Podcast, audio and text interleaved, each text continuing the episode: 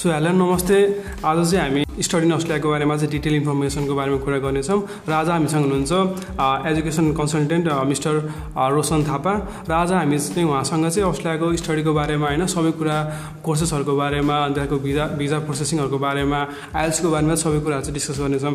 So आज चाहिँ हामी उहाँको एक्सपिरियन्सको थ्रुबाट चाहिँ धेरै नलेजहरू गेन गर्नेछौँ होइन सो स्वागत गरौँ उहाँलाई। सो मिस्टर रोशनजी स्वागत छ हाम्रो पोडकास्टमा धन्यवाद हजुर प्रख्यातज्यूलाई सो मिस्टर रोशनजी हाम्रो चाहिँ कति स्टुडेन्टलाई चाहिँ हुन्छ नि अब प्लस टू पछि ट्रेन्डै छ होइन अस्ट्रेलिया जाने होइन। सो फर्स्ट अफ अल चाहिँ अस्ट्रेलियाको क्रेज चाहिँ किन हो त? अरू कन्ट्री भन्दा चाहिँ अस्ट्रेलिया चाहिँ किन मान्छेको स्टुडेन्टको धेरै प्रायोरिटीमा पर्छ नि त? अब यस्तो अहिले ट्रेन्डको हिसाबमा र अहिलेको चलेको अनुसार मेन भनेको चल्ने भनेको अस्ट्रेलिया क्यानाडा युके यो चाहिँ खासमा ट्रेन्ड चाहिँ एजुकेसन बेसिसमा चलेको हो। खासमा चाहिँ एजुकेसन सिस्टमले हेर्दाखेरि युनिभर्सिटीको ऱ्याङ्किङले हेर्दाखेरि ट्रेन्डमा चलेको हो। अब अहिलेको लेटेस्ट ट्रेन्ड भनेको क्या के अरे युके भनेर एकदम स्टुडेन्टहरू फोकस गरिरहेको छन्। त्यही अनुसारको अस्ट्रेलियाको मेन इन्कमको सोर्स पनि एउटा तपाईँको इन्टरनेसनल स्टुडेन्ट नै हुन्छ। हो त्यो कारणले गर्दाखेरि इन्टरनेसनल स्टुडेन्टलाई हेर्ने उनीहरूको नजरिया उनीहरूलाई दिने फेसिलिटी चाहे पिआरको कुरामा होस् वा चाहे अरू कुरामा होस् एकदमै राम्रो छ। भोलि पर्सिको लाइफ सेटलमेन्टदेखिको लिएर र एउटा स्टडी हामीले पठाउने भनेको स्टुडेन्ट भिजा हो। अहिले इन्टरनेसनल स्टुडेन्ट भनेर उनीहरूले गर्नुको रिजन भनेको हामीले हामीलाई आउनु हाम्रो कन्ट्रीमा आउने स्टुडेन्टलाई चाहिँ हामी एउटा क्यापेबल बनाएर पठाउँछौँ। त्यो स्टुडेन्टलाई चाहिँ हामीले एउटा डिग्री दिन्छौँ। राम्रै डिग्री उ गर्छौँ भन्ने कन्सेप्टमा खासमा अस्ट्रेलिया नै चुज गर्नुपर्ने रिजन चाहिँ यो छ। हजुर। सो अब हामी अस्ट्रेलिया पढ्न जानको लागि चाहिँ मिनिमम हाम्रो क्वालिफिकेसन चाहिँ प्लस टू पास हुनुपर्छ होइन? सो अब प्लस टू पछि चाहिँ कति स्टुडेन्टलाई चाहिँ के गर्ने थाहा हुन्न? उनीहरूले आइएस गर्ने चाहिँ थाहा हुन्छ होइन? सो आइएस गरिसकेपछि हुन्छ नि त्यसको फर्दर प्रोसेसिङहरू के हुन्छ कन्सल्टेन्सीले सबै गरिदिएर हुन्छ होइन? सो एउटा स्टुडेन्टलाई पनि अवेरनेस हो कि यस्तो यस्तो हुँदो रहेछ भन्ने चाहिँ थाहा पाउँछ सो तपाईँको तपाईँले चाहिँ भनिदिनु पऱ्यो होइन। सो के के हुन्छ त प्लस टू पछि चाहिँ बाहिरको प्रोसेसिङ चाहिँ? अब त्यो त्योभन्दा अगाडि मैले अलिकति कुरा उतिर अस्ट्रेलियन क्वालिफिकेसन फ्रेमवर्कतिर लगेर जोड्न चाहन्छु। हजुर। मेन भनेको कुरा स्टुडेन्टले अब म चाहिँ एजुकेसनको लागि जाँदैछु भन्ने कुरा बुझिसकेपछि म स्टुडेन्ट भिजामा जाँदैछु भनेपछि म गएर मेरो साथी गयो भनेर मेरो साथी उता अस्ट्रेलिया नै जाँदैछ म अस्ट्रेलिया नै अप्लाई गर्छु भन्ने सोचाइ राख्नुभन्दा बेटर अप्सन चाहिँ म त्यहाँ कुन युनिभर्सिटी जाँदैछु कुन कलेज जाँदैछु म किन जाँदैछु? म जाँदाखेरि चाहिँ मैले एक्रिडेसन पाउँछु कि पाउँदिनँ? पहिला त्यो कन्सेप्ट आफैले क्लियर राख्नुपर्ने हुन्छ। त्यो गर्दाखेरि चाहिँ मैले अस्ट्रेलियन क्वालिफिकेसन फ्रेम फ्रेमवर्कको चाहिँ किन कुरा जोडेँ भने यो यदि अस्ट्रेलियन क्वालिफिकेसन फ्रेमवर्क अन्तर्गत कुनै पनि कोर्स पर्दैन भने तपाईँले नेपाल फर्केर आउँदाखेरि तपाईँको सर्टिफिकेटको कुनै पनि भ्यालु रहँदैन। हजुर ओके अनि त्यस गर्दा अहिले अब मेन भनेको प्लस टूको स्टुडेन्टको एकदमै क्रेज छ। हजुर हजुर। हो यो प्लस टूको स्टुडेन्टको कुरा गर्नु पर्दाखेरि बेसिक भन्नुपर्दा इन्ट्री रिक्वायरमेन्ट भनेको आइल्समा चाहिँ फाइभ पोइन्ट फाइभदेखि नै छ।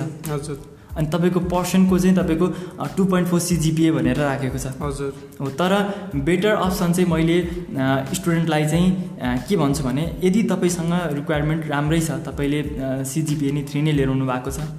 भने तपाईँको आइल्स पनि तपाईँको राम्रै छ सिक्स नै छ भने तपाईँले युनिभर्सिटी ट्राई गर्ने हो। यो चाहिँ मैले तपाईँको युनिभर्सिटी र भेटको कुरामा लिएर आएर जोड्छु।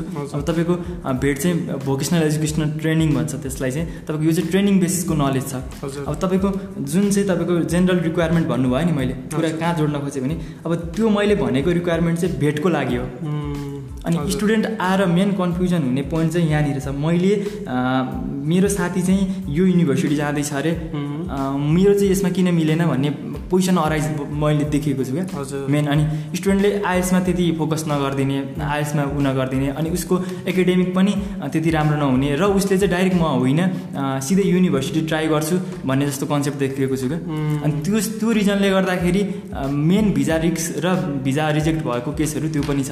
अनि अब योभन्दा अघिल्लो वर्ष टु थाउजन्ड अब ट्वेन्टीको कन्टेक्स्ट हेर्दा त्यति भिजा पनि अप्लाई गरेको छैन र भिजा जति अप्लाई गरेको छ आएको छ। तर टु थाउजन्ड नाइन्टिनको केसेसमा एकदम एकदम राम्रो फाइलहरू आइएसमा six or six point five academic पनि राम्रो हुनेहरूको फाइल पनि रिजेक्ट भइरहेको थियो। हजुर। अब यो रेन्ज चाहिँ कसरी भएको थियो भने यो चाहिँ कन्सल्टेन्सीले आफ्नो स्टुडेन्टहरूलाई एउटा राइट काउन्सिलिङ दिन नसक्ने रिजन पनि देखेको छु मैले। त्यो हामीमा पनि हामीले त्यो गल्तीलाई मान्नुपर्छ। किनभने एउटा स्टुडेन्टले आइएल्समा six or six point five लिएर आएको छ उसको CGPA three or three point five or above छ भने हामीले उसलाई किन राइट इन्फर्मेसन नदिने? हामीले उसलाई किन भेट प्रोग्राममा जा भन्ने? हामीले उसलाई किन डिप्लोमा एडभान्स डिप्लोमा गर भन्ने? किनभने उसको रिक्वायरमेन्ट त्यही अनुसारको पुगेको छ भने ऊ त्यसको लागि क्यापेबल छ भने हामीलाई उसले हामीलाई हामीले चाहिँ एज अ कन्सल्टेन्ट उसलाई होइन त भेट प्रोग्राममा जा भनेर हामीले उसलाई त्यो सजेसन दिइसकेपछि उसले त टोटल्ली हामीमा बिलिभ गरेर आएको हुन्छ नि। उसले त हामीलाई ट्रस्ट गरेको हुन्छ। अनि त्यो ट्रस्टमा चाहिँ हामीले उसलाई भेटमा हालिदिउँ। हो भेटमा हालिसकेपछि चाहिँ प्रायः नेपालबाट कति कन्सल्टेन्सीले त्यो एउटा मिस्टेकले गर्दाखेरि कति फाइलहरू रिजेक्ट भएको छ। हजुर। अब अर्को कुरा रह्यो अनि स्टुडेन्टको भनेको मलाई जसरी भए पनि मेरो साथी यहीमा गएको छ म यसै गरी जान्छु भनेर भन्ने एउटा कन्सेप्टले गर्दाखेरि रिजेक्ट भएको छ। अब उसको एकाडेमिक नै त्यति पुगेको छैन। उसको एकाडेमिक नै राम्रो छैन र आइल्स पनि फाइभ पोइन्ट फाइभ छ भने अब उसले जानी जानी म युनिभर्सिटी खोज्छु होइन म डाइरेक्ट ब्याचलर नै गर्न खोज्छु भनेर उसले हतारिन खोज्छ। अनि उसलाई होइन जसरी हुन्छ मेरो अफर लेटर मगाइदिनु भन्छ कुरा गर्छ। रिक्वायरमेन्ट त जिन तिन पुगेको हुन्छ तर यो एउटा मिसकन्सेप्ट के छ भने कहिले पनि कलेज र युनिभर्सिटीले भिजा दिने होइन। हजुर। भिजा दिने भनेको इमिग्रेसनमा हुन्छ। त्यहाँनिर त तपाईँको तपाईँको सबै चिज हेर्छ उसले। अनि मेन हाम्रो के छ भने ल एकाडेमिक पनि राम्रो छ आइल्स पनि राम्रो छ। भने अर्को कुरा कहाँनिर जोडिन्छ भने अब त्यहाँनिरबाट डकुमेन्टमा हामीले जुन जे जिटी डकुमेन्ट बनाउँछौँ एसओपी बनाउँछौँ यिनीहरूले पनि धेरै इफेक्ट पर्नु छ इन्टरनेसनल स्टुडेन्टलाई हाम्रो मिसकन्सेप्ट के छ भने होइन हाम्रो चाहिँ एकाडेमिक नै राम्रो भयो आइल्स पनि राम्रो भयो भने हामीलाई भिजा आउँछ भन्ने सोच छ। तर यो एकदम मिसकन्सेप्ट हो। तर कस्तो हुन्छ भने तपाईँको सबै कुरा हेर्दाखेरि तपाईँ मेन कुरा भनेको तपाईँले चाहिँ तपाईँ स्टुडेन्ट भिजामा जाँदै हुनुहुन्छ भने तपाईँले आफूले तपाईँको फेमिलीले तपाईँलाई यदि इनकेस तपाईँले काम गर्नु भयो भने एफोर्ड गर्न सक्छ सक्दैन? उसले त्यो कुराहरू हेरेको हुन्छ। हो त्यो हेर्दाखेरि तपाईँले डकुमेन्ट त्यही अनुसार बनाउनु भएको छ कि छैन? तपाईँको इन्कम त्यही अनुसार पुगेको छ कि छैन? तपाईँको ब्याङ्क ब्यालेन्स त्यही अनुसार छ कि छैन?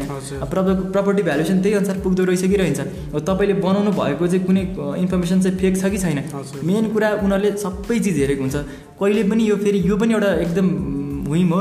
मसँग चाहिँ राम्रो एकाडेमिक पनि छ मेरो आइज पनि राम्रो छ तर मेरो भिजा चाहिँ अब रिजेक्ट हुँदैन भन्नु पनि एकदम हो। किनभने उसँग त्यस यदि उसले एम्बेसीलाई फकाउन सक्ने उसँग त्यही अनुसारको इन्कम छैन उसले त्यही अनुसारको अब यो चाहिँ एसबीमा लेख्ने हो। आफूले बनाएको डकुमेन्ट चाहिँ स्टेटमेन्ट अफ प्रपोजमा तपाईँले सबै उल्लेख गर्नुपर्ने हुन्छ। मैले मेरो फ्यामिली इन्कमको यति थियो। है मेरो यो इन्कमले यसरी छ म यसरी गर्न सक्छु। अब युनिभर्सिटी मान्छेले टार्गेट एकदम हाईको राख्छ। हजुर। अनि उसको फी अब उसको इन्कममा इन्कम सोर्स थोरैको राखिदिन्छ। अनि उसले त हेर्दाखेरि ल उसको एकाडेमिक नै ए वान छ पर्फेक्ट छ आइएस पनि राम्रो छ तर उसले पुऱ्याउनु पर्ने तपाईँको इन्कम सोर्स एकदम लो बनाइदिएको छ भने त उसलाई हेर्दाखेरि त उसले यो फी नै उसको प्यारेन्ट्सले एफोर्ड गर्न सक्दैन नि। स्टुडेन्ट त जेन्युन हो नि तर तर उसले यहाँनिर आएर अब पढ्नै सक्दैन पछि। झन् यस्तो यस्तो अवस्थामा यस्तो मानव यो पुऱ्याउनकै अवस्थामा पनि त अब नेपालको कन्टेक्स्टमा कस्तो भइदियो भने अहिले एउटा पिँढीलाई चाहिँ स्टुडेन्टलाई अनलाइन क्लास लिइदियो भनेर गऱ्यो। दुईचोटि इन्टेक डिफर गराए युनिभर्सिटीमा भिजा पनि आयो। तर भिजा आइसक्दाखेरि पनि स्टुडेन्टले अब म क्लास सुरु गर्दिनँ भन्यो। नेपालको लगभग प्रायः स्टुडेन्टले म क्लास सुरु गर्दिनँ भनेको छ त्यो वास्तविकता पनि हो। नेपालबाट नेपालबाट फी तिरेर पढ्न सक्ने क्षमता प्रायः कसैको पनि छैन। हो।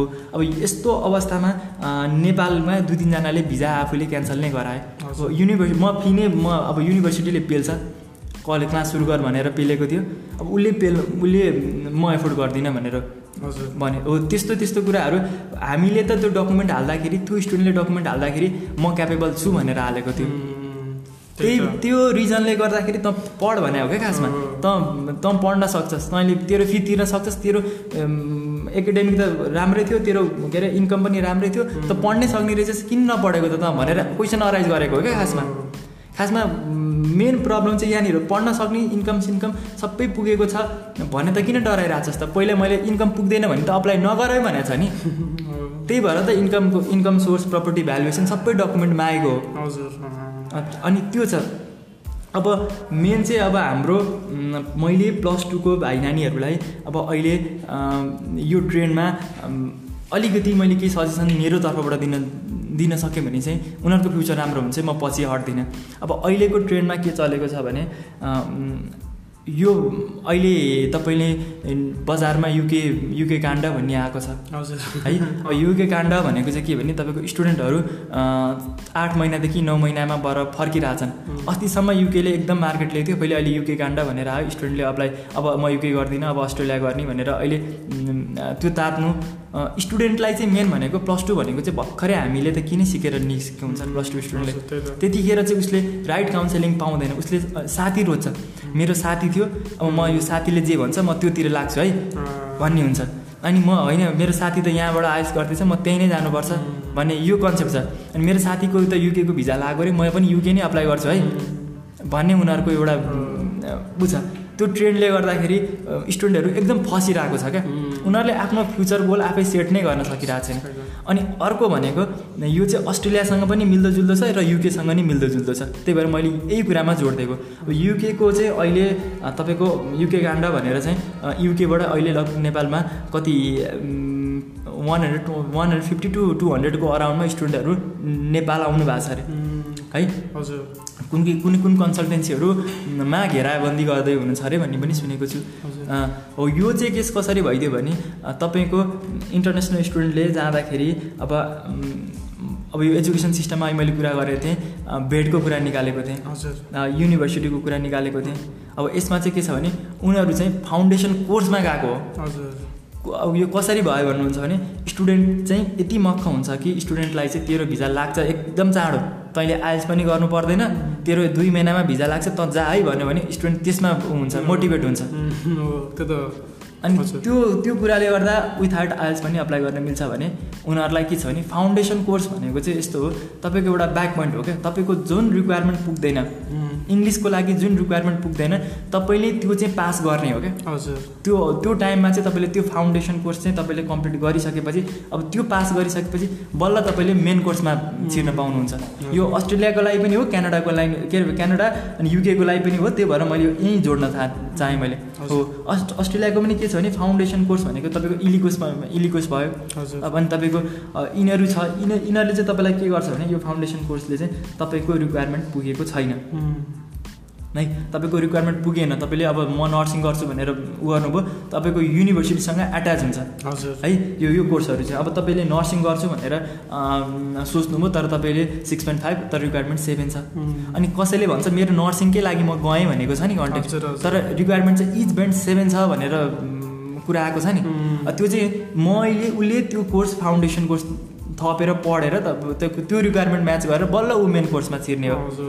अब अनि त्यो भइदियो त्यो भएपछि उनीहरूको अहिले के भयो भने फाउन्डेसन कोर्स उनीहरूले पढे। तर त्यो फाउन्डेसन कोर्स उनीहरूले कम्प्लिट गरे पास पनि गर्न नसक्ने रिजनले गर्दाखेरि अब नेपाल जा भनिदियो अनि मेन कोर्समा चाहिँ छिर्नको लागि तपाईँको फाउन्डेसन कोर्स पास उनीहरूले त्यो क्राइटेरिया पुरा गर्नै पर्ने हुन्छ। हो मेन चाहिँ उनीहरूले त्यो गर्न सकेन युकेको केसमा। हो अस्ट्रेलियामा पनि तपाईँको यस्तो ट्रेन्डहरू एकदम चलेको छ। अब यो भेट र फाउन्डेसन कोर्स लगभग लगभग उस्तै उस्तै कुरा आयो भन्ने कुरा नि आउँछ। किनभने फाउन्डेसन कोर्स पनि लगभग वान इयरकै राखेको हुन्छ। हजुर। हो भेटको तपाईँको डिप्लोमा पनि अराउन्ड वान इयर नै हुन्छ। हजुर। होइन? कोर्स त एउटै हो भन्ने कुरा आउँछ। तर यो चाहिँ तपाईँको मैले अहिले एकुएफ अस्ट्रेलियन क्वालिफि क्वालिफिकेसन फ्रेमवर्कको कुरा गरेँ। यो चाहिँ तपाईँको त्यसमा छैन फेरि। हजुर तपाईँको तपाईँले त्यहाँनिरबाट त्यहाँबाट एग्रिडेसन चाहिँ पाउनुहुन्न। तपाईँले त्यतिकै नेपालबाट फर्किनु भयो जस्तै स्टुडेन्टहरू अहिले युकेबाट फर्केर आयो उनीहरूले भने मैले के पढेँ खोइ मेरो त सर्टिफिकेटै छैन भने। यो कोर्स नै त्यही हो। उनीहरूलाई अफर लेटरमा उनीहरूलाई बकाइदा लेखिदिएको हुन्छ। स्टुडेन्टको आफ्नो सेल्फ नलेज पनि गर्ने बानी छैन क्या।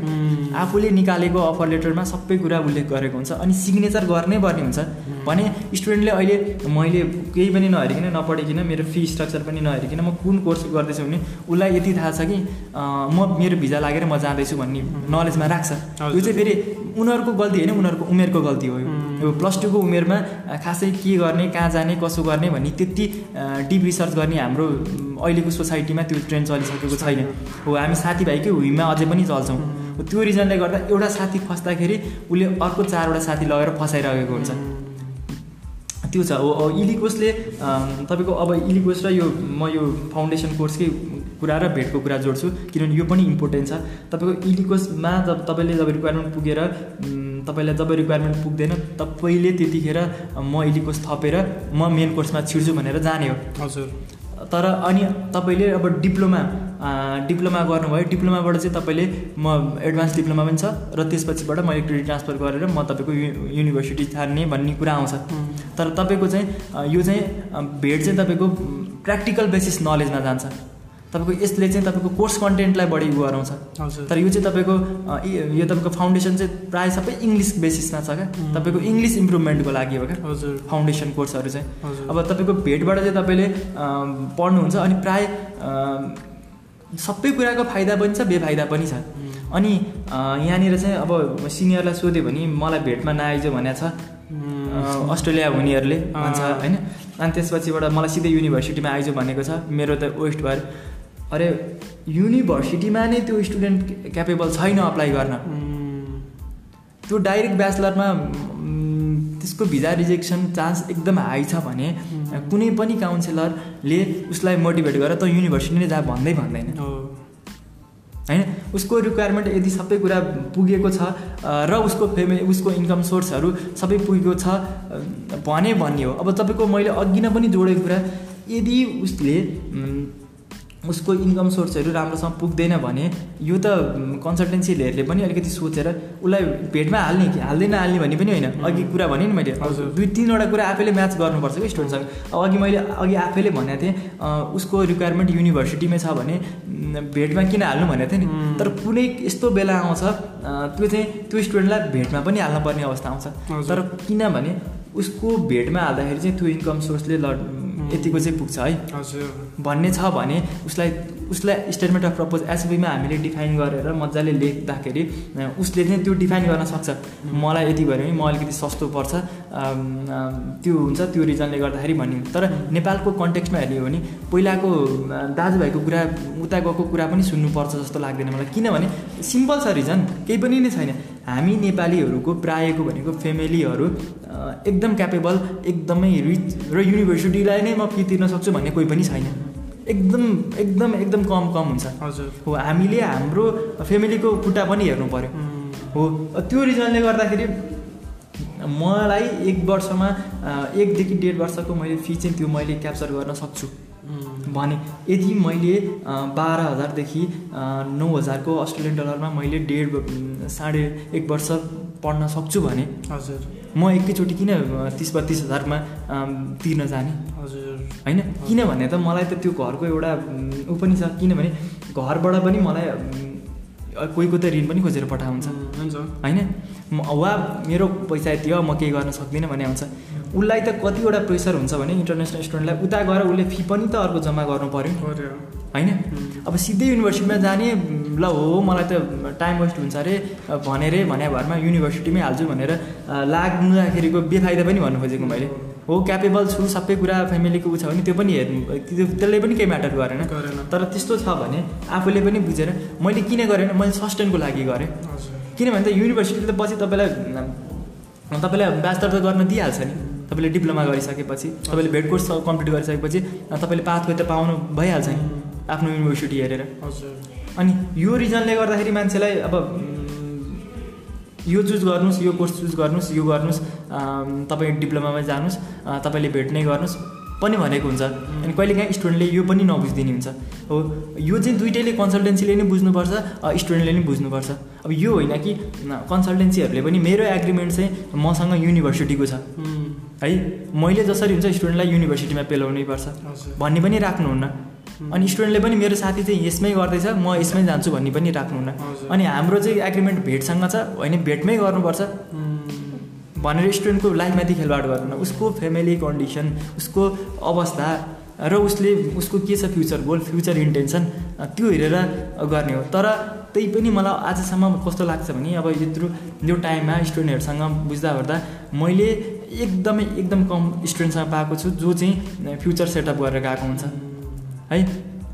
उसले भन्छ म यस्तो गर्दै थिएँ मैले साइन्स गरेँ म यो गरेँ। भनेको उसले अब अरू कुनै पनि उसको इन्टेन्सन छैन। उसलाई बस एउटा अस्ट्रेलिया पुग्नु छ भने जस्तो इन्टेन्सन छ।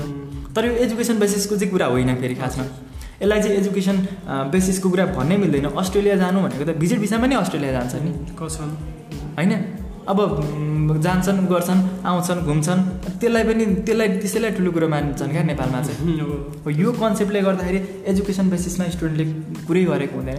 मैले ब्याचलर कति क्रेडिट क्रेडिट पोइन्टमा मैले कम्प्लिट गर्छु।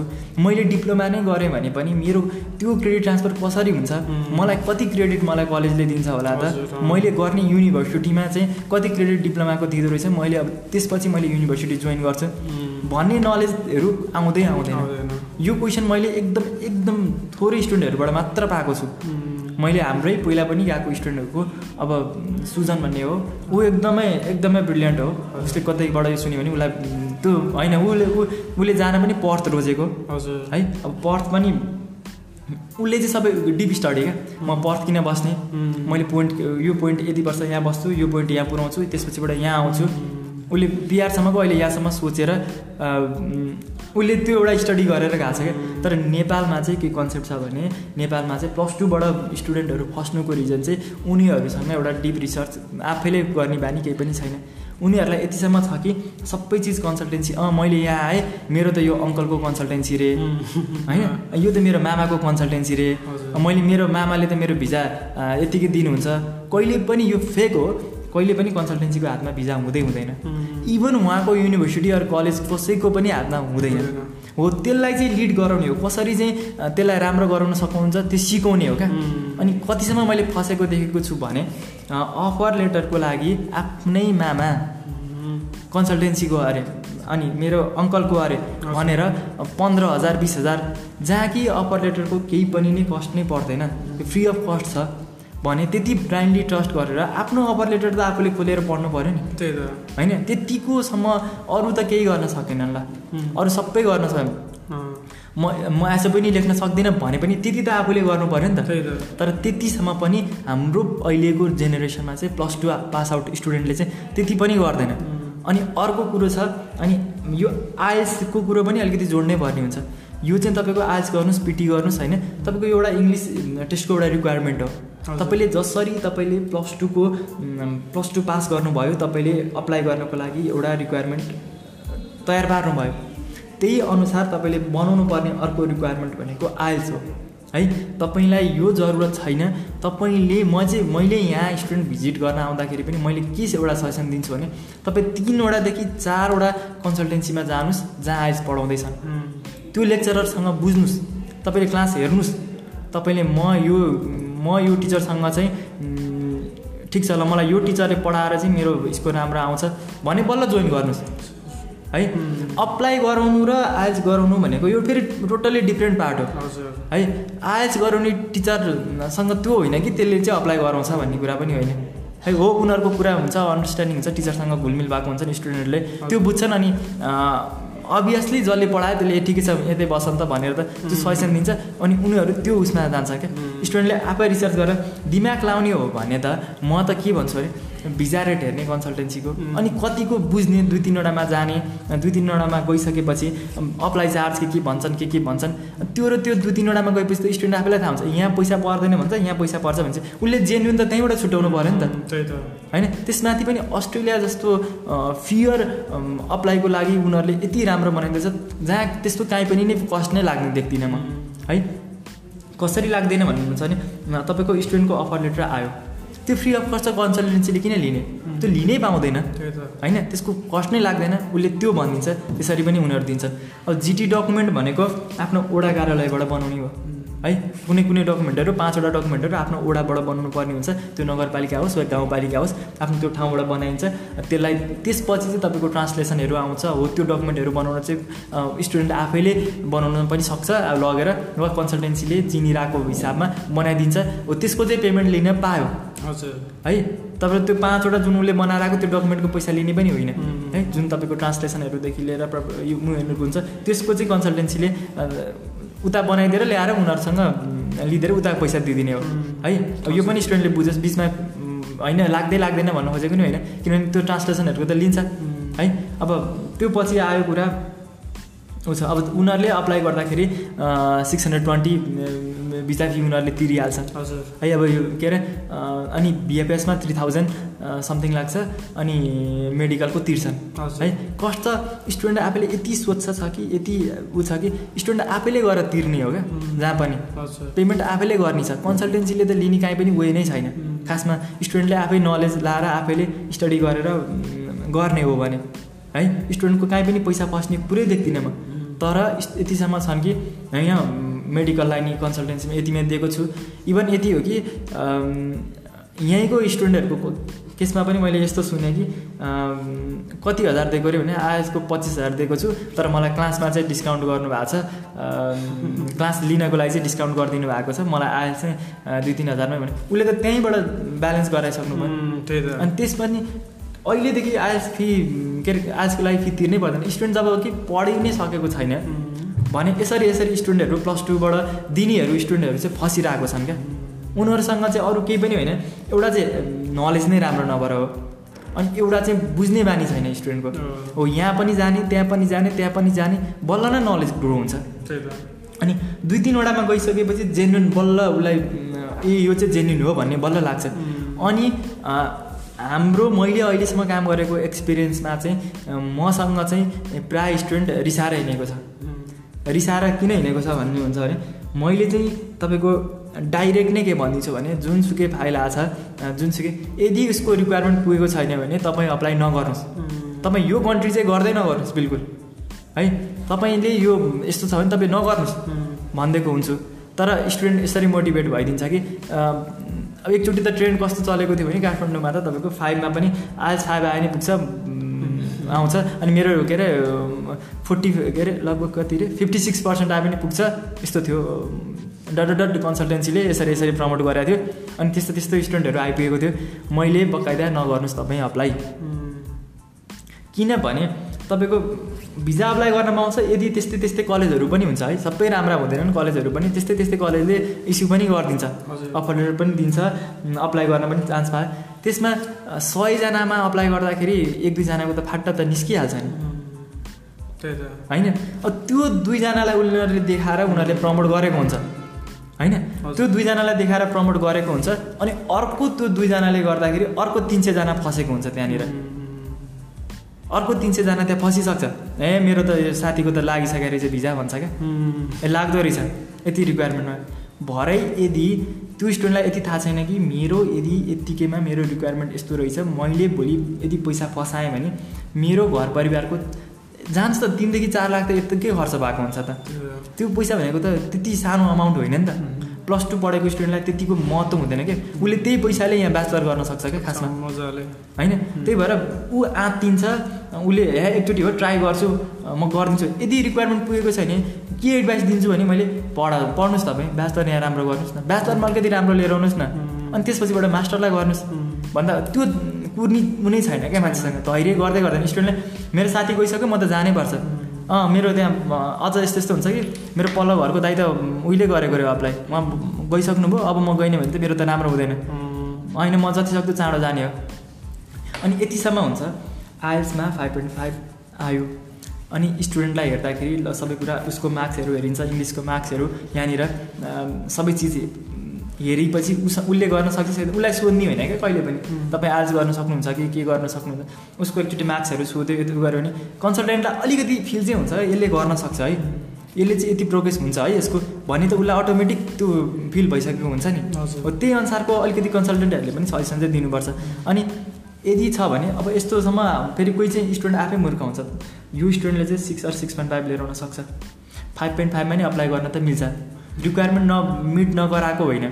तर उसको यदि यतिमा अझ राम्रो बन्छ भने उसले एकचोटि किन आएछ एकचोटि फेरि नदिने। तर ऊ कुर्दैन क्या। मैले फेरि दिनुपर्छ चौध दिन अर्को टाइम लाग्छ मलाई यसमा टाइम वेस्ट हुन्छ भनेर स्टुडेन्ट चाँडो हतारिन्छ क्या। अनि त्यसले गर्दाखेरि अर्को दुई तिनचोटि उसले रिअप्लाईलाई पनि एकचोटि रिजेक्ट भइसकेपछि। यो चाहिँ प्लस टू स्टुडेन्टको यो केस पनि भनिदिनै पर्छ। किनभने एकचोटि रिजेक्ट भइसकेपछि ऊ फेरि एकचोटि आँटिन्छ फेरि पनि म गर्छु भनेर ऊ जोसिएको हुन्छ। उसले अगाडिको पछि चार पाँच महिना त्यो फेरि रिअप्लाई भनेर फेरि रिजेक्ट खानु भन्दा त बरु अगाडि नै एक महिना ढिला गरेर के हुन्छ त? त्यही त भने। बरु अलिक ढिला अप्लाई गर्ने। हजुर। अलिक ढिला अप्लाई प्रोसेस उ गर्ने आफ्नो रिक्वायरमेन्ट आफ्नो डकुमेन्टहरू सबै कुरा बलियो बनाएर गयो भने त आफ्नो आफू त सेक्युर हुनु पऱ्यो नि। अनि त्यही हुन्छ। मेन भनेको प्लस टूको स्टुडेन्ट फस्ने भनेको चाहिँ आफ्ना भन्ने शब्दबाट हो। त्यो चाहिँ सधैँ प्लस टूको स्टुडेन्टले सधैँ याद गर्नुपर्ने चाहिँ आफ्ना भनेर सोच्ने होइन आफ्नो भनेर सोच्ने हो। बुझ्न आफ्नो लागि जाने हो। हजुर। आफ्नो लागि चाहिँ बुझेर म के कुनमा जाँदैछु के बुझ्दैछु मैले कुन कन्ट्री अप्लाई गर्दैछु हो यसको भिजा रेट के छ कस्तो काउन्सिलिङ गरिरहेको रहेछ कतिको मलाई एजुकेसन बेसिसमा पेलिरहेको छ त्यो कुराहरू याद गर्ने हो। अनि अर्को कुराहरूमा आउँछ कोर्स सेलेक्सनमा आउँछ त्यहाँ अर्को। अनि कस्तो छ भने अब प्लस टू म्यानेजमेन्टबाट गरिरहेको हुन्छ। अब ए आइटी गर्न पाए हुन्छ तर फेरि उसलाई इन्ट्रेस्ट पनि आइटीमा होइन। उनीहरूलाई चाहिँ होइन यो फलानु त आइटीमा गएको अरे भन्ने हुन्छ। अनि म आइटीमा जान चाहन्छु भन्छ। अनि त्यो आइटीमा उसले अप्लाई गर्दा उसले कोर्स अनि अर्को एउटा तपाईँको कस्तो भने उहाँनिर गएर पनि यो यो स्टुडेन्टहरू भोलि पर्सि जो उतै सेटल भयो उनीहरूलाई इफेक्ट पर्दैन। तर नेपाल आइसकेपछि चाहिँ इफेक्ट कसरी पर्छ भने उहाँनिर गएर कोर्स चेन्ज गराउँछ नि। तपाईँको यहाँनिरबाट त उसले बकाइदा फी पठाउनको लागि त्यत्रो बनाएर डकुमेन्ट बनाएर पठाएको हुन्छ। हजुर। है? अब उसले त्यहाँनिरबाट एनओसी निकालेको हुन्छ। हजुर। एनओसी चाहिँ के भनेर निकालेको हुन्छ भने म चाहिँ यही कोर्समा पढ्न जान्छु है भनेर निकालेको हुन्छ। होइन? अनि म चाहिँ यहाँनिरबाट आइटी नै पढ्न जान्छु भनेर हुन्छ उहाँनिर गएर उसले के गरिदिन्छ भने उसले त्यहाँनिरबाट उसले पिआर पोइन्ट हेर्न थाल्छ। अनि उसले गएर त्यहाँनिरबाट कोर्स चेन्ज गरिदिन्छ। होइन यार यो त म त होटल म्यानेजमेन्ट जानुपर्ने रहेछ। होइन? होइन म त कोर्स चेन्ज गरिदिन्छु भन्छ। अनि उसले कोर्स चेन्ज गर्छ भोलि ऊ नेपाल आयो आउँछ। यहाँनिर आउँदाखेरि उसले एक्रिडेसन उसले उसको त्यो सर्टिफिकेटै भ्यालिड हुँदैन। किनभने त बकाइदा छ नि त त्यहाँ एनओसीमा त तँ यो पढ्न जाने भनेर लेखेको। अनि अहिले चाहिँ यो कन् यो कन्सेप्ट उता अस्ट्रेलियामै चलिरहेछ। यो पनि उहाँ हुने स्टुडेन्टले पनि अलिकति चेन्ज गर्नुपर्छ। यदि त्यस्तो छ भने बरु अगाडि नै बरु यहीँबाट गर्ने। किनभने त प्लस टू स्टुडेन्टले त होटल म्यानेजमेन्ट नै पढ्नु छ भने त यहीँ पढ्न पाउँछ। नेपालमै पढ्न पाउँछ त। हो नेपालमा पढ्ने बरु मास्टरको लागि गर्ने। होइन? त्यही भएर कोर्स चाहिँ कहिले पनि आफूले आफ्नो कोर्स अनुसारको कोर्स सेलेक्सन पनि गरेन भने अर्को एउटा भिजा रिजेक्ट हुने चान्स पनि यहाँ पनि छ। जुन नेपालबाटै गर्दाखेरि कोही चाहिँ ठिकै छ म गराइदिन्छु भन्छन्। साइन्स पढ्नेले केमा जान खोज्छ म्यानेजमेन्टपट्टि छिर्न खोज्छ के गर्न खोज्छ? अब यो रिजनमा अलिकति राम्रै कन्सल्टेन्टहरू पनि छन् नेपालमा है? राम्रै सजेसन दिनेहरू पनि छन्। तर यत्रा छन् क्या यहाँनिर पनि। हजुर नेपालमा कन्सल्टेन्सी अहिले पाइला पछि हिँडे पछि कन्सल्टेन्सी भेटिन्छ। है? अब यो पाइलामा चाहिँ स्टुडेन्ट चाहिँ कुन चाहिँमा गएर खुट्टा अड्काउँछ भन्ने कुरा हुन्छ। अनि मेन स्टुडेन्ट चाहिँ यसरी प्लस टूको स्टुडेन्टहरू चाहिँ सबैले ताने ताने ताने ताने हुन्छ। एउटाले मक्क पार्दा भरमा त्यहाँ गएर अड्किन्छ। उसलाई चाहिँ जो कि स्टुडेन्टले क्वेसन गर्नुपर्छ क्या। म यो सिटी किन तपाईँले मलाई पठाउन आँट्नुभयो? मलाई तपाईँले यही युनिभर्सिटी किन भन्नुभयो? यतिको अरू केही क्वेसन गर्न सक्दैन भने पनि यति क्वेसन गर्ने त क्यापेबल हुनुपर्छ नि। स्टुडेन्ट ठिकै छ होइन? तपाईँले गरिदिनु भयो है राम्रै गरिदिनु भयो त्यस्तो होइन नि त। उस तपाईँको लाइफ तपाईँले अप्लाई गर्दै हुनुहुन्छ भने तपाईँको लाइफ हो नि त। तपाईँले त्यहाँको कोर्स कन्टेन्ट पल्टाएर हेर्नु पर्दैन। तपाईँले आइटी नै भनेको तपाईँको आइटीमा पनि तपाईँको कोर्सहरू तपाईँको युनिभर्सिटी अनुसारको तपाईँले हेर्नुभयो भने अलिअलि भेराइ छ क्या। अनि तपाईँले डिफ्रेन्ट पाउनुहुन्छ क्या तपाईँले त्यहाँनिर? यो कोर्समा कसैलाई नेटवर्किङकै इन्ट्रेस्ट होला अरे त्यहाँ त्यहाँनिर त्यो पोर्सन थोरै राखिदिएको छ भने उसले त आफै रिसर्च गर्ने हो नि त। मेरो चाहिँ कति आवर हुँदो रहेछ यो क्लास चाहिँ भनेर त उसले त्यो त्यो उ गर्ने हो नि त। यो भित्र मैले के के पढ्दो रहेछु भनेर त उसले एकचोटि रिसर्च गर्ने हो नि त। तर कसैले पनि त्यो एउटा रिसर्चको बानी नेपालमा बसालेकै छैन। अनि यस्तो छ नेपालबाट अनि मास्टरको लागि अप्लाई गर्दा चाहिँ भिजा लागेको छ भन्छ नि। त्यो चाहिँ के हुन्छ भने उसको हेर्ने सोचाइमा पनि भर पर्छ नि। अब मास्टर नै गर्न जाने भनिसकेपछि त उसको रिक्वायरमेन्ट पनि आइछ उसले आइएस पनि के अरे आइएस पनि राम्रै स्कोर लिएर आएको हुन्छ एक त। होइन? अनि त्यो लिएर सकेपछि अब उसको चाहिँ लाइफ भनेको चाहिँ अब मोटिभ चाहिँ सेट छ उसको। है अब चाहिँ उसले यही नै गर्छ भन्ने अब प्लस टूबाट चाहिँ हाम्रो नेपालको सिनारी त हेर्छ नि। उसले त्यही त भन्दैछु। मेन भनेको अरूको कुरा बढी सुन्ने क्या। होइन? अरूले गरेको अरूले गरेको त्यही त्यही प्रोसेसमा लागिदिन्छ। उसलाई आफैले के गर्ने? स्टुडेन्टको रिसर्च नै कमी देखिदिन्छ क्या। अनि अर्को आउँछ एसओपीले पनि एकदमै भिजाको लागि एकदमै डिफ्रेन्स बनाएको हुन्छ। मेन भनेको स्टुडेन्टले एसबीमा कतिको आफूलाई डिफाइन गरेको छ? डकुमेन्ट पनि सबै चिज बनाएको छ के गरेको छ? अनि एम्बेसीलाई चाहिँ कतिखेर थाहा हुन्छ? है? यो स्टेटमेन्ट अफ प्रपोजमा थाहा हुन्छ। अब यसमा चाहिँ तपाईँको हो उनले भनेर उसले गरे डकुमेन्ट अनुसारको ऊ छ कि छैन? अब यहाँनिरबाट अर्को एउटा पनि देख्दाखेरि माइनर कुरा लाग्छ। यो प्राय कन्सल्टेन्सीले नै याद गर्दैन। कस्तो छ भने उसको इलेभेन र टुवेल्भ गर्दा उसको मार्क्स सिजिपिए हेर्दाखेरि त उसको त्यहाँ इङ्ग्लिस मार्क्स त त्यहाँ बकाइदा हुन्छ नि। अनि उसको कोर्स कन्टेन्टमा हेर्दाखेरि अलिअलि इङ्ग्लिसमा रिलेटेड सब्जेक्टहरू त हुन्छ नि। अनि त्यो सब्जेक्टहरूसँग उसको आइएस स्कोर म्याच छ कि छैन। यति त त्यहाँ बस्नेहरूलाई यति तसम्म त थाहा छ नि। होइन। किनभने उसले चाहिँ ल मैले उसको इङ्ग्लिसमा यति यति कम कम छ एकैचोटि के अरे सिक्स पोइन्ट फाइभ भनेछ एसएफी त्यस्तै स्ट्रङ लेखिदिएको छ। भने त्यहाँ उनीहरूले केही न केही तलमाथि चाहिँ उनीहरूले देख्छ क्या। डाउट डाउट एउटा हुन्छ हुन्छ क्या? ओ अब होइन आइएल्स राम्रो लिएर आयो भने त त्यसमा डाउट किनभने जेन्युन पारामा चेक म, भयो तर उसको राइटिङ जुन स्किल हुन्छ त्यो चाहिँ उसले त्यति चाँडो इम्प्रुभ गर्यो भन्ने पनि भर पर्दैन। कसैले पनि विश्वास गर्दैन नि। किनभने त्यो एउटा फर्मेट हो तपाईँको आइएसमा त्यो फर्मेट अनुसार तपाईँले अलिक दिन प्र्याक्टिस गर्नुभयो भने तपाईँले चेन्ज गर्न सक्नुहुन्छ। तर एसपीमा पनि एसपी पनि त्यो जेन्युन हेर्छ क्या। राम्रो स्कोर लिएर आएको छ अनि आ अनि फर्मेट चाहिँ कस्तो नमिला। नमिला जस्तो भनेको राइटिङमा अब त्यो एसपीमा के के लेख्ने भन्ने कुराहरू पछि गरिदिएको जाउँला अब स्टुडेन्टले पर्सनली सोध्नु भयो भने त्यसमा तपाईँलाई म भन्नुला सबैले सजेसन पनि दिन सक्नुभयो होइन? अब त्यसको नि एउटा छुट्टै फर्मेट हुन्छ। मैले कुन कुन उ गर्ने। तर जुन राइटिङ स्किलको कुरा गरेँ नि मैले अब त्यही राइटिङ स्किल नै हेर्ने हो त्यहाँनिर। अनि त्यहाँको कुरा र त्यहाँको कुरा मिलाएको छ कि छैन हेर्ने हो। होइन? अब त्यसमा चाहिँ तपाईँको आइएसमा चाहिँ फाइभ पोइन्ट फाइभ बल्ल बल्ल लिइरहेको छ एउटामा फाइभ छ अनि लेख्न चाहिँ वाउ लेखिदिएको छ। भने उनीहरूले हन्ड्रेड पर्सेन्ट बुझ्छन् यो स्टुडेन्ट आफैले लेखेको होइन।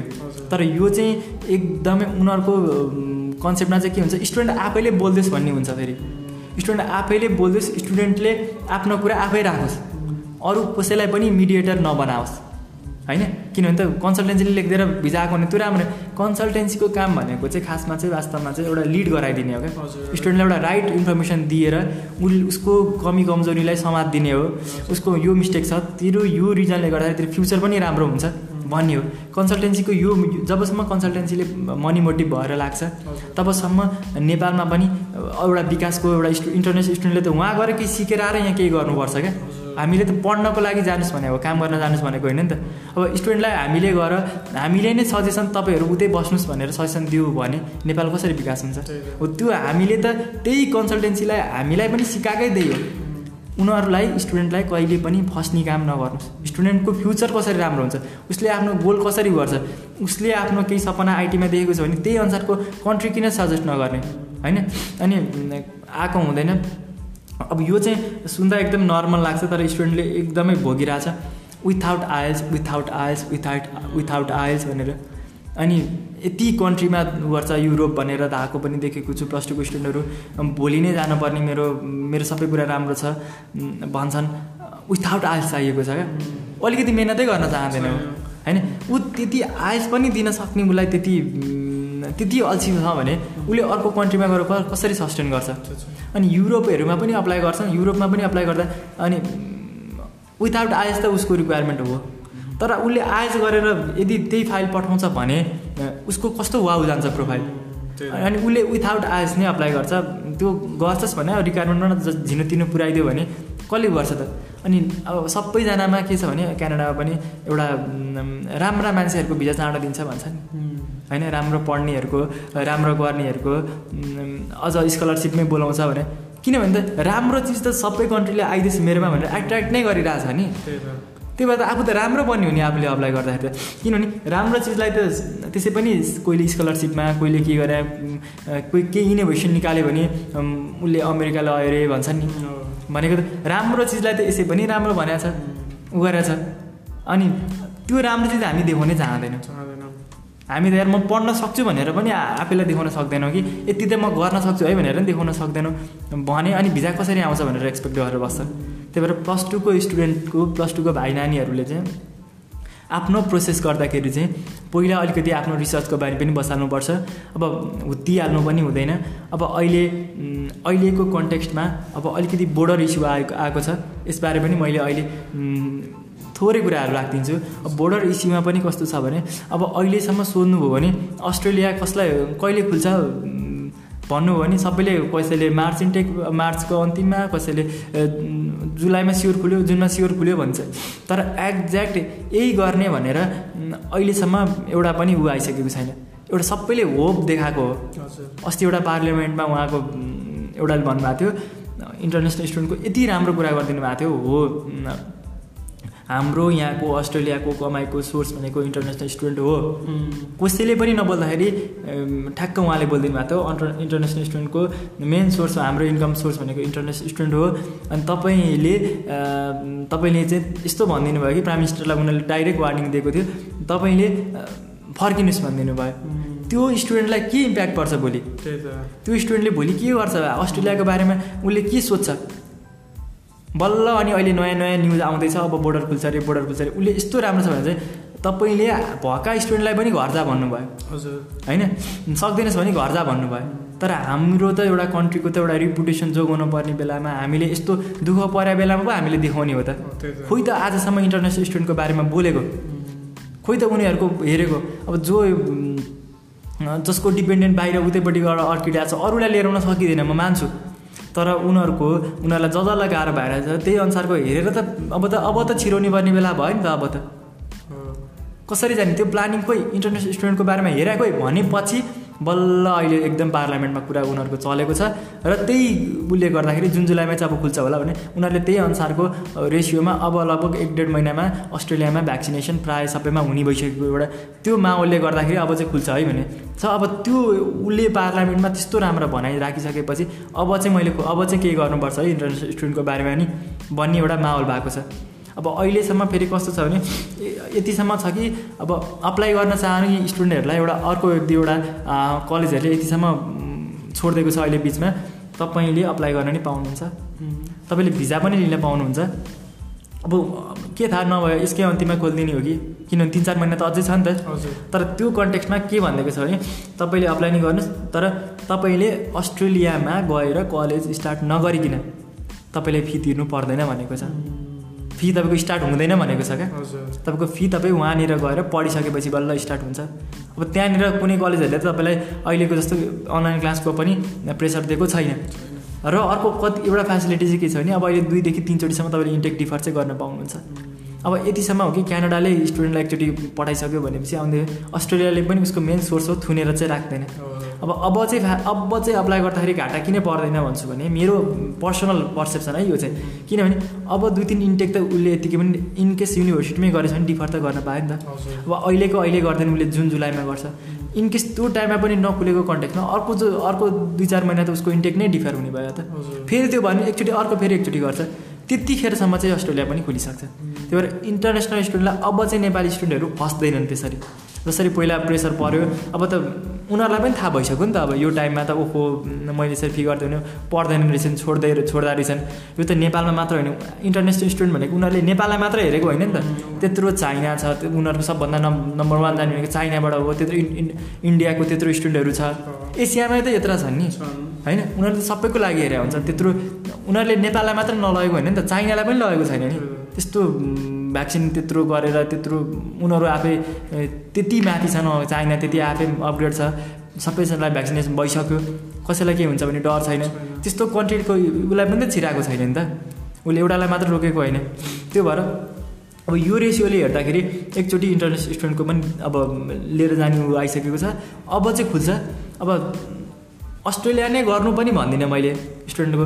मैले चाहिँ उसको सपना अनुसार गर्नु भन्छु। अब अहिले चाहिँ अस्ट्रेलियाको बेसिसमा कुरा गरेर छ हामीले अस्ट्रेलियाकै बारेमा भन्नुपर्छ।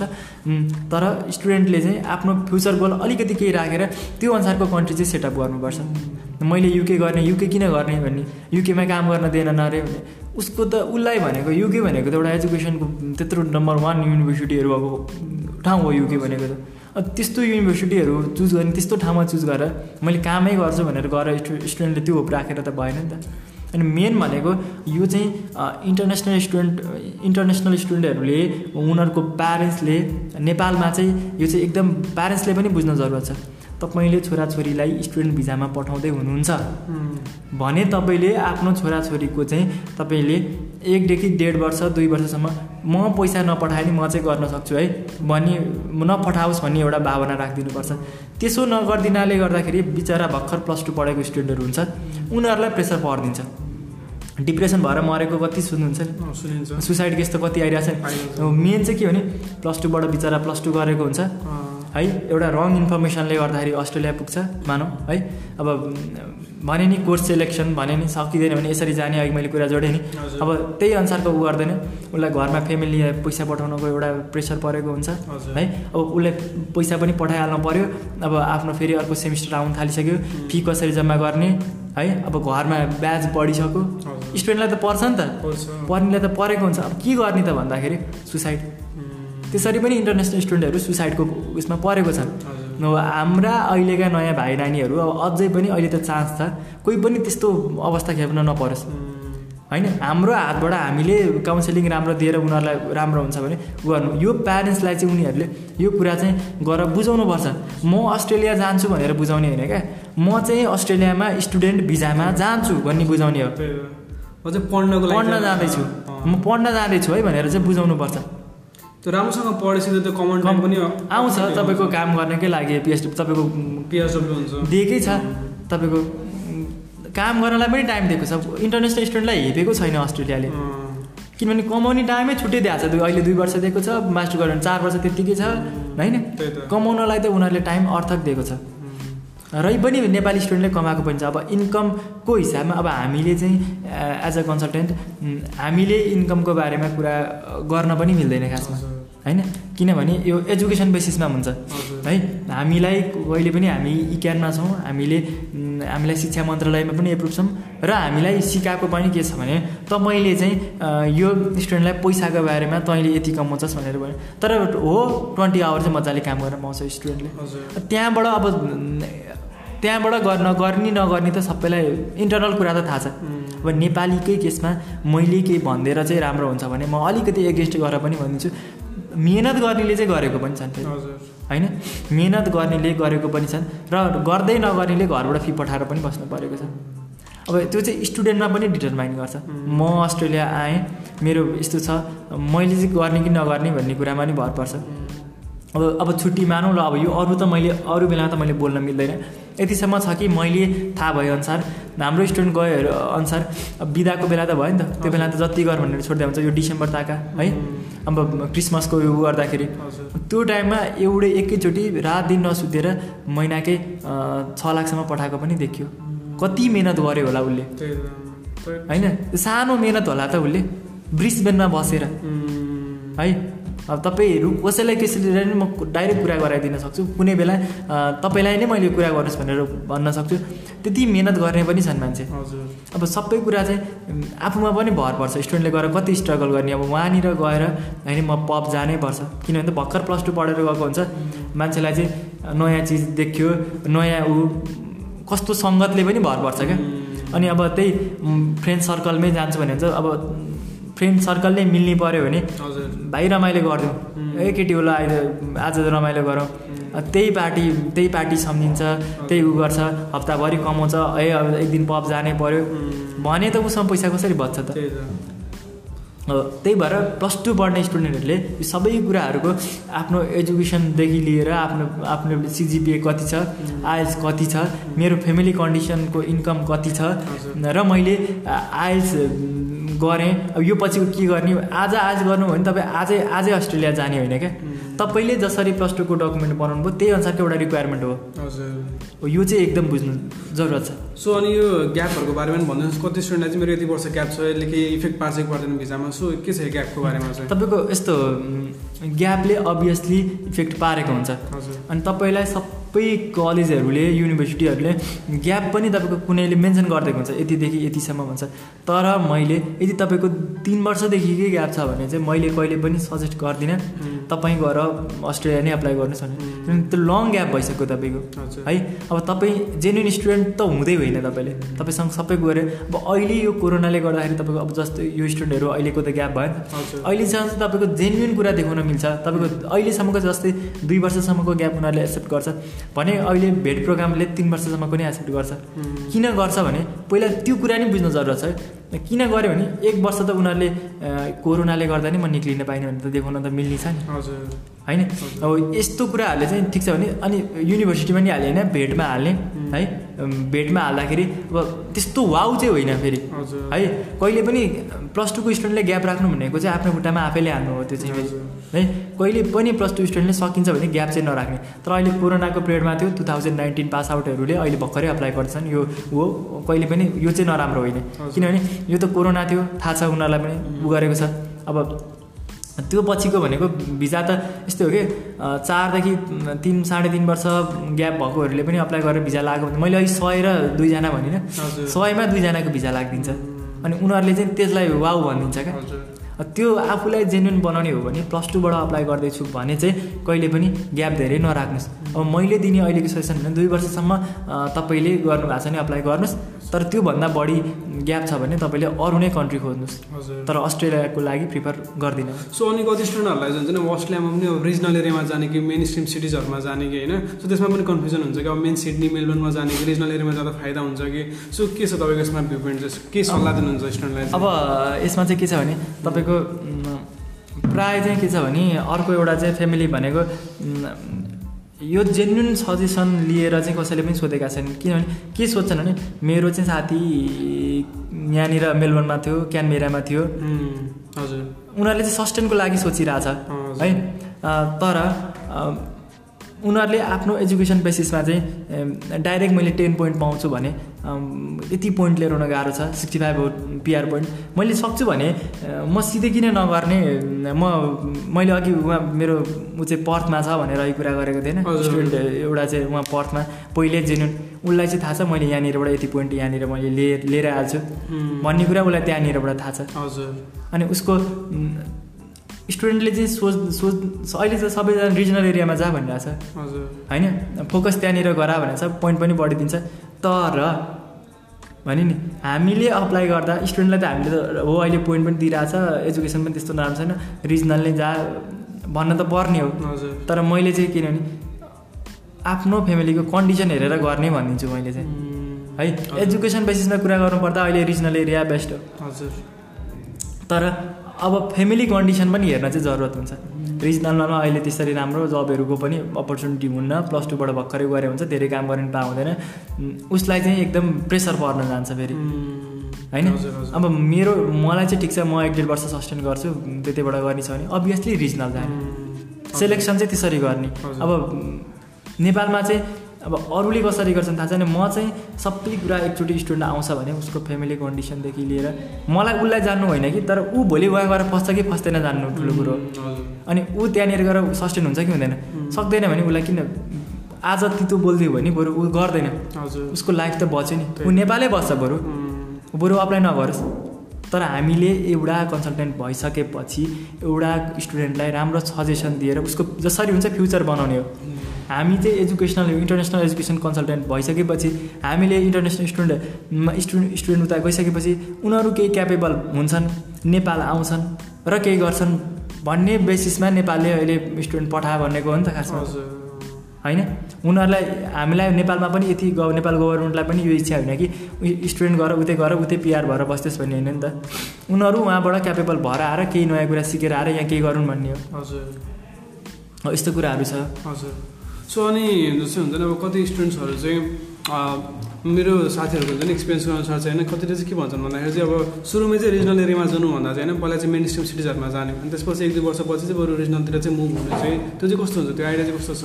त्यो सजेसन चाहिँ। हो अघि अघि जोडेको रिजन चाहिँ त्यही नै हो अरू। किनभने मेन कुरा आउँछ त्यहाँनिर सस्टेनको लागि आउँछ। अब यो पनि तपाईँको दुईतिर तपाईँले कस्तो हुन्छ भने तपाईँलाई खानाको दुःख छैन। तपाईँ एकदम वेल सेटल हुनुहुन्छ। र मलाई चाहिँ दिनमा तिनवटा भारी बोक्नै पर्ने छ। तपाईँले कसलाई सोध्नुभयो स्टुडेन्टहरूमा पनि त्यसमा भर पर्छ बुझ्नुभयो? मैले चाहिँ दुइटा भारी नपुगिकन मलाई खाना पुग्दैन। तपाईँलाई यतिकै पनि पुगिरहेको छ भने तपाईँले तपाईँले सजेसन दिनुभयो भने तपाईँले ए त आइज त सिधै रिजनलमै आइज। यस्तो यस्तो छ यस्तो यसरी पोइन्ट पाइहालिन्छ त्यसपछिबाट भइहाल्छ भन्ने एउटा सजेसन दिनुहुन्छ। वा तपाईँले डिप्लोमा गर्दै हुनुहुन्छ त्यसपछि एउटा अब अब चाहिँ म चाहिँ रिजनलबाट गर्छु पोइन्ट मेरो ऊ चाहिँ यताबाट निकाल्छु। हजुर। भन्ने एउटा ऊ हुन्छ।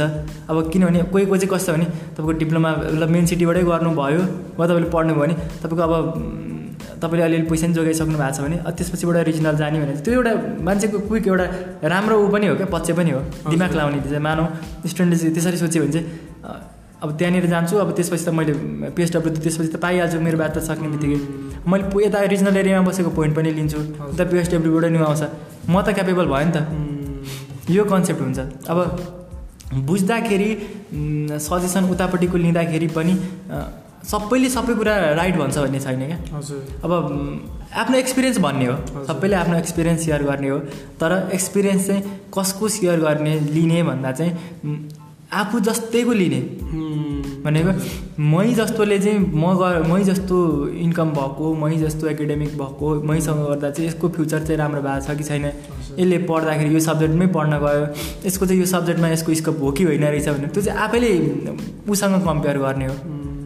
सबैजना त हामी क्लासमा त सबैजना बस्छौँ सबैजना त फर्स्ट हुँदै हुँदैन अनि फर्स्टसँग गएर सबै कुरा सोध्यो भने त फर्स्टले त एकदम राम्रो राम्रो कुरा पनि गर्छ। तर मेन कुरा भनेको त्यो हाम्रो नेपालमा पनि एजुकेसन सिस्टममा चाहिँ अलिकति खराब चाहिँ लास्ट बेन्चरलाई चाहिँ लास्टमा लास्ट हुनेलाई चाहिँ गर तैँले पढिनस्। हजुर। बाबु तैँले नपढ्नै नसकेको हो। तैँले किन सकिनस् त? भन् त भनेर कहिले पनि टिचरले सम्झ सिधै आउँछ फर्स्टमा आउँछ अनि ताली चाहिँ कसको पिट्छ नि? फलानुले यति एट्टी पर्सेन्ट लिएर आयो भनेर ताली पिट्छौ नि। तर त्यसलाई त्यो फोर्टी पर्सेन्ट आउनेलाई कहिले पनि यो माहौल नै दिएनौँ क्या हामीले। गएर सोधेर तेरो फोर्टी पर्सेन्ट किन आयो? कसरी हुन्छ ल गई गर्न सकिन्छ कि बाबु? भनेर टिचरले प्रोत्साहन नै गर्दैन। टिचरले सिधै फर्स्ट आउनेलाई हेर्छ। हजुर। होइन? त्यस्तो भएको छ क्या। उतापट्टि नै अब स्टुडेन्टले पनि इन्टरनेसनल स्टुडेन्ट पनि यहाँबाट नेपालबाट हेर्दा राम्रो भएकोलाई मात्र हेरिदिइहाल्छ है। नराम्रो भएकोलाई चाहिँ फसेकोलाई चाहिँ त्यो किन मऱ्यो त्यो डिप्रेसन भएर किन मऱ्यो त्यो डिप्रेसनमा किन छ? त्यो कुराहरू कसैले नि सोधिदिँदैन क्या।